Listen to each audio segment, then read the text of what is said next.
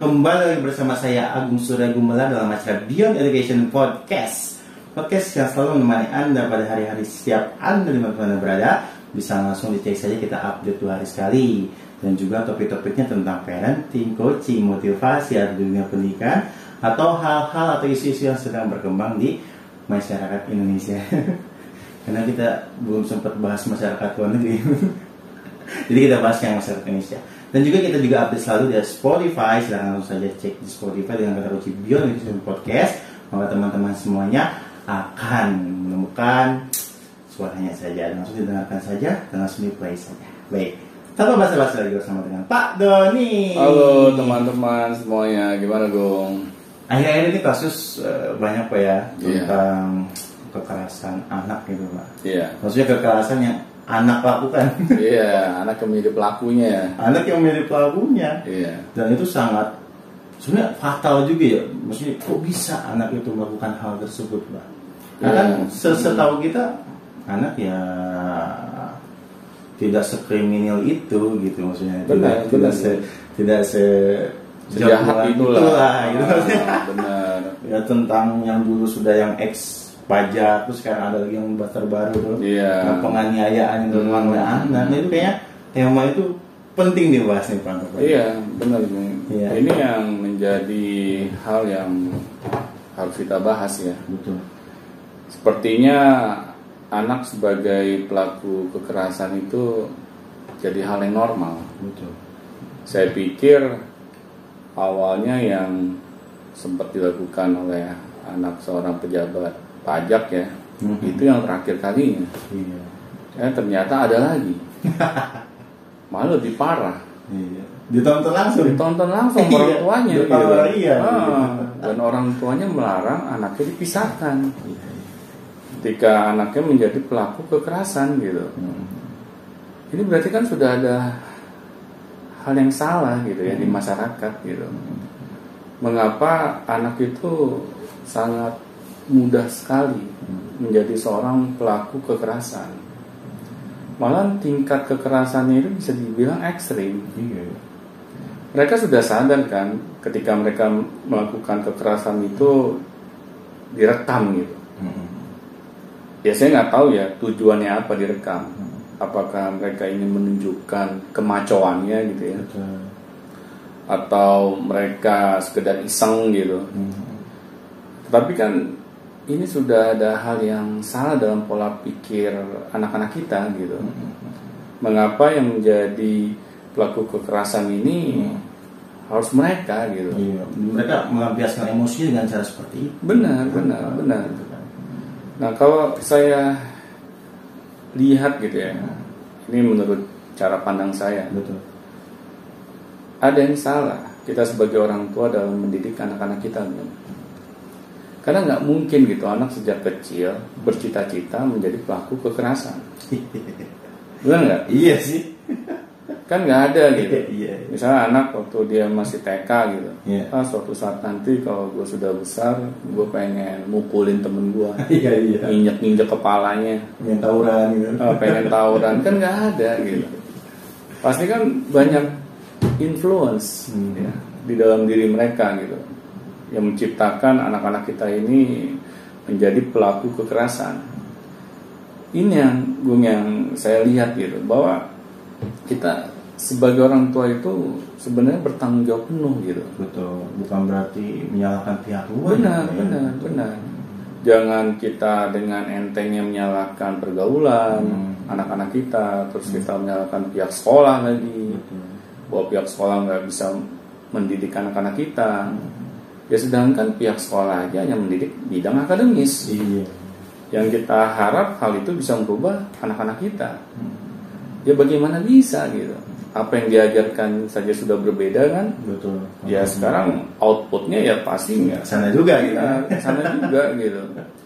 Nah ini gue yang kita selama ini sebagai orang tua lupa Hmm. Bagaimana cara didik kita gitu kepada anak-anak kita. keterikatan diri kita mungkin dengan anak kurang Benar, ke benar, gitu benar. ya atau bagaimana emosionalnya gitu kan Kalau anak mudah menjadi pelaku kekerasan, mudah marah lah gitu ah, kan. mudah marah, mudah emosi, iya, iya. coba kita telusuri bagaimana mereka ini dibesarkan dari kecil.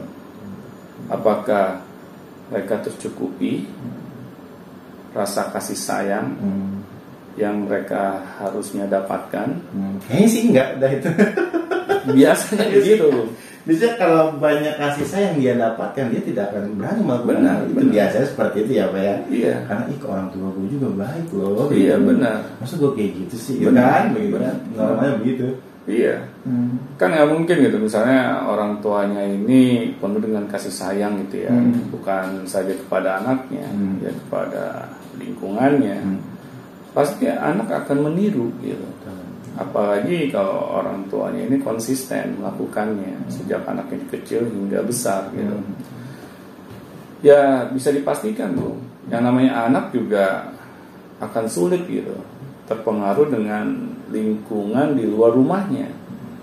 Karena sejak kecil ditanamkan gitu, yang namanya eh, sikap berkasih sayang. Hmm. Nah, tetapi kalau kita sebagai orang tua jarang di rumah, Cuek. ah, cuek, Hmm. malah ketika uh, ketemu anak kita hanya bisanya marah-marah. Iya. Akhirnya bagaimana anak-anak kita ini bisa mendapatkan role model gitu, Hmm. yang bisa memberikan uh, apa ya namanya contoh Contoh. Nah, perilaku kasih sayang itu dieksekusi. Nah, di sini gitu Bung yang saya lihat gitu. Hmm. Kalau misalnya ya kita sering melihat fenomena anak-anak sebagai pelaku kekerasan, seharusnya masyarakat itu lebih mawas diri gitu. Jangan hal ini jadikan sebagai tontonan saja, bukan hal yang perlu kita tanggulangi gitu. Kalau hal ini hanya sebagai tontonan, mengisi waktu senggang kita, ya bagaimana bangsa ini bisa menjadi bangsa yang beradab? Nah ini gue yang harus kita pikirkan bersama gitu. Inilah PR para orang tua gitu Hmm. di rumah. Jangan jadikan ini PR bagi orang-orang yang berada di sekolah. Iya. Nah, nah, akhirnya kalau kita tidak mau mengambil tanggung jawab ini, Hmm. siapa lagi? Ini kan yang akhirnya menjadi masalah gitu bagi masa depan anak-anak kita. Hmm. Yang seharusnya anak-anak kita ini memiliki masa depan yang cerah, mereka harus eh, menghuni sel tahanan akibat mereka melakukan kekerasan. Padahal masa depannya masih panjang. Panjang. Hmm. Coba deh bayangin ya, Hmm. anak-anak kita nih sejak remaja sudah berada di sel tahanan. Iya, gimana secara psikologisnya? Benar. Berpengaruh pada dia. Iya. Bagaimana anak kita ini diperlakukan gitu Hmm. di dalam sel tahanan? Mereka dianggap sebagai penjahat. Ya suatu saat nanti mereka akan keluar ya, dari sel tahanan. Betul. Perilaku mereka di masa depan akan seperti apa? Nggak akan sama sih, sih. Jelas Iya. nggak akan sama sih, Pak. Aku kan mungkin sering dengar ya orang-orang yang sudah pernah menghuni sel tahanan Iya. Perilakunya itu menjadi lebih baik atau malah menjadi lebih parah. Nah, biasanya sih balik lagi ke tahanan juga sih nantinya. Benar, benar, Kesel kan benar. Karena orang-orang yang berada di sel tahanan Ya. itu bukan diedukasi gitu, bukannya dididik gitu Hmm. agar tidak mengulangi lagi Hmm.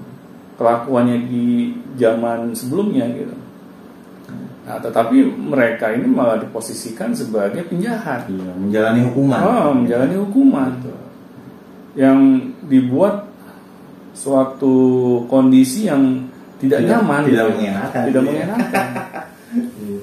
Akhirnya kan hal itu tidak bisa mengubah perilaku sebelumnya gitu menjadi yang lebih baik. Bayangin aja kalau misalnya sel tahanan itu ingin merubah perilakunya lebih jauh lebih baik. Iya. Berarti harus satu-satu. Dan nggak bisa kayak gitu. Ya sekarang aja kan kita sering lihat gitu ya Iya. di media gitu Betul. bahwa banyak penjara yang uh, terlalu banyak Overload. Ah, overload. Nggak nggak keperhatiin dah. benar gitu. benar ah. jadi nggak imbang lah antara Benar. sipir dengan orang-orang yang di ini ya Yang penjara. ah, yang di penjara ya Hmm. Ini kan akhirnya menjadi suatu pemikiran kalau anak-anak kita lah Hmm. yang berada di sana. Uh, gimana itu nasibnya? Benar. Pas keluar itu apa psikologisnya terserah atau Iya. bagaimana? Kita kan nggak tahu juga Iya. ya. Tapi orang tua rata-rata menya- menyalahkan bahwa, oh ini anak-anak eh, sering melihat kekerasan di depan matanya. Iya. seperti YouTube atau apa jadi dia niru YouTube untuk melakukan kekerasan. Iya, itu Ya. hal yang paling mudah Iya, jadi alasan. ya. Ah. Tapi orang tua kalau misalnya mendapatkan anak yang seperti itu harus seperti apa Pak? Ya? Ya orang tua harus memberikan nilai-nilai loh. Hmm. Hal yang anak-anak itu bisa rekam gitu Hmm. Di dalam kehidupannya bahwa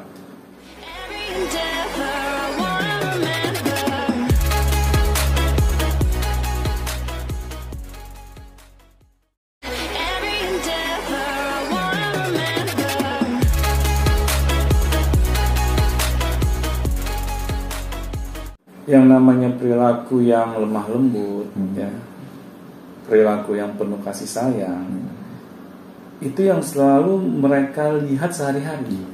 Meskipun di luar melihat kekerasan benar gimana? itu akan memfilter. Ya, ya. makanya kan saya selalu ini ya selalu bilang gitu, bahwa rumah ini adalah tempat di mana anak-anak kita ini Hmm. memiliki kenyamanan gitu di dalam kehidupan mereka. Akhirnya mereka akan selalu ingin kembali pulang. Karena apa karena ketika mereka melihat sesuatu yang negatif di luar sana Iya. mereka memiliki keinginan gitu untuk kembali ke rumah karena di, di rumah inilah mereka kembali menjadi manusia yang seutuhnya gitu karena kita sebagai orang tua itu bisa menjaga gitu menjaga anak-anak kita ini melindungi anak-anak kita ini ya dari pengaruh-pengaruh negatif di luar sana Nah, itu. iya jadi coba deh misalnya anak kita melihat Hmm. ini Yang tawuran ah, pelaku kekerasan di luar gitu Iya, siapa gitu kan. Benar. Pastikan anak kalau dekat sama orang tuanya akan bertanya, Iya. ayah bunda kenapa ya kok teman saya uh, berkelahi dengan orang lain gitu ya. Hmm. Ah, padahal orang tersebut nggak memiliki kesalahan, hanya karena membela nama sekolah saja. Pasti kan anak yang dekat dengan orang tuanya itu akan selalu bertanya gitu. Iya. Karena ada keterikatan Ada itu keterikatan ya. gitu. Nah di sini orang tua bisa memfilter, Hmm. ya. Orang tua bisa memberikan penjelasan gitu. Betul. Enak banget ya. Benar. Gitu. Nah tetapi kan kedekatan ini perlu dibangun. Iya. Apalagi kalau anak-anak yang jauh dari orang tua misalnya. Wah itu lebih parah. Malah ketika pas ngelihat kekerasannya, kayaknya caranya ini untuk menarik perhatian orang tua. Dia malah ikut Benar. tawuran. Benar. Aku kan pernah ingat nggak ada kejadian ya ini di suatu ya sekolah yang menginap gitu. Iya iya. Padahal genrenya agama. gitu. Agama, iya. Anak kembali ke rumah orang tuanya dalam keadaan dipeti mati. Gitu. Iya. Nah sudah pasti kan orang tuanya kebingungan. Ini anak saya kenapa? Kok waktu pas dia datang ke sekolah dalam keadaan masih hidup, Mhm. pas pulang dalam keadaan berada di peti mati. Orang tuanya curiga gitu. Kok tidak dikabari sebelumnya? Misalnya anaknya sakit kah atau apakah? Hmm. Nah ternyata kan ada sesuatu yang ditutup-tutupi. Betul. Nah ini yang akhirnya kita sebagai orang tua nggak punya kendali karena anak kita di luar jangkauan diri kita dong. Iya, tetap harus sama orang tua sebenarnya. Pokoknya usia anak-anak, Hmm. usia sekolah lah, Hmm. anak-anak kita harus berada di dekat para orang tuanya, jangan dilepas Hmm. karena sangat beresiko gitu. Betul. Ya meskipun kita sangat percaya sama nama lembaganya, Hmm. belum tentu gitu. Hal yang baik akan selalu menghampiri anak-anak kita. Karena kalau sudah di luar rumah, Hmm. ya biasanya kan kita tidak memiliki kendali penuh lagi, Bung. Karena kita sudah menitipkan mereka dan kita berharap anak kita baik-baik saja. Nah, ini kan sulit diprediksi gitu. Iya betul. Ini bayangin loh sebuah lembaga Hmm. uh, pendidikan dengan genre agama Yang sam- kental ah, lagi yang ya. kental saja Iya. masih bisa melakukan hal-hal di luar akal sehat gitu Itu juga kaget ketika kejadian itu kan. benar Bisa nggak gitu ya? benar malahan orang tuanya kesannya kayak dibohongi lah Iya. Ah, orang tuanya di, nggak diberikan penjelasan seutuhnya Betul. Ah, sampai akhirnya orang tuanya mengadukan ke pihak berwajib ini kan kita menambah masalah gitu yang seharusnya kita bisa cegah dari awal. Kalau orang tua itu mau memainkan perannya gitu sebagai orang tua untuk menjaga anak, melindungi anak, bukannya kita ingin menda- mendidik anak-anak kita agar mereka menjadi anak yang tidak mandiri ya. Iya betul. Beda bedakan itu ya kan. Bedakan itu, Iya, betul. bedakan itu. Kadang kan ada beranggapan "Ah, udah lepas aja. Nah. Biar mandiri. Sedangkan di luar negeri aja gue, Iya. yang setahu saya anak-anak itu mulai dilepas dari rumah itu Hmm. umur 18 tahun. Iya, dan di selama 18 tahun itu kan ditanamkan, Benar. itu pun ditanamkan nilai-nilai, ya, Benar, bukan, benar, benar. bukan dibiarin aja. bukan gitu. dibiarin aja Iya. orang tua penuh dengan tanggung jawab Jawab, gitu di iya. masa-masa itu Hmm. karena apa karena orang tua juga sadar yang bisa memberikan nilai-nilai kehidupan Hmm. itu hanya mereka karena di agama saja itu sudah dijelaskan gitu bahwa Tuhan meminta kepada orang-orang tuanya ya yang memiliki anak untuk menjaga keluarga dari panasnya api neraka gitu. Berarti kan di sini sudah menjadi kode gitu ya buat para orang tua gitu agar kita mau menjaga keluarga kita. Karena kalau bukan kita siapa lagi, Bung? Ya. Masa sih kalau sudah kejadian baru deh Nah. kita pusing gitu. Sampai kita yang kena, Benar, benar. itu juga kan yang melakukan anaknya, Benar. kena orang tuanya. Pasti, pasti. Ya ini kan buktinya Pusing. anaknya yang kena, akhirnya orang tuanya kena getahnya juga gitu. Ya, sampai dia dipecat dari pekerjaannya. Hmm. Jadi orang tuanya yang menciptakan masalah tersebut gitu. Oleh karena itu Gung dengan kejadian-kejadian ya yang ada di masyarakat saat ini, ini seharusnya menjadi pembelajaran gitu bagi setiap orang tua. Karena kalau ini tidak bisa menjadi pembelajaran, Hmm. apalagi yang bisa kita ambil pelajaran dari fenomena- fenomena-fenomena yang ada di masyarakat saat ini. Oh, baik. Terima kasih pada Sama-sama. Ini sangat penting sih. Iya, mesti kita praktekkan. Iya. Dan jangan lupa kalau misalnya ada pertanyaan silahkan langsung tanyakan saja ke link deskripsi atau langsung di kolom komentar silahkan cek-cek link deskripsinya akses semua untuk berkomunikasi dengan kami dan sampai jumpa di Bio Navigation selanjutnya. Sampai jumpa teman-teman.